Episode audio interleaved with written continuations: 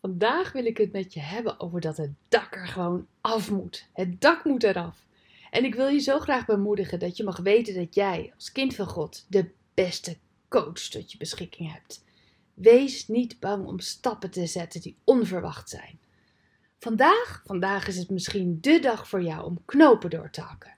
Jouw plafond te doorbreken en meer ruimte te krijgen voor je dromen, je wensen en verlangens. Zet een eerste kleine stap en je bent op weg naar een groots werk dat klein begon.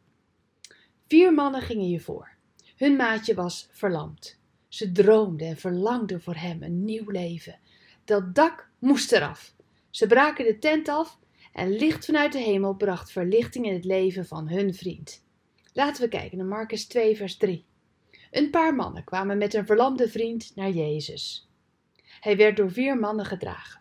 Maar er waren zoveel mensen dat ze hem niet bij Jezus konden brengen. En daarom maakten ze het dak open boven de plek waar Jezus stond. En daarna lieten ze de man op de matras door het gat naar beneden zakken. Kijk, zo doe je dat als iedereen zegt dat het onmogelijk is. Hou Jezus voor ogen en je gaat, je durft. Hun vriend laten ze echt niet zomaar zakken. Ze werkten met een plan.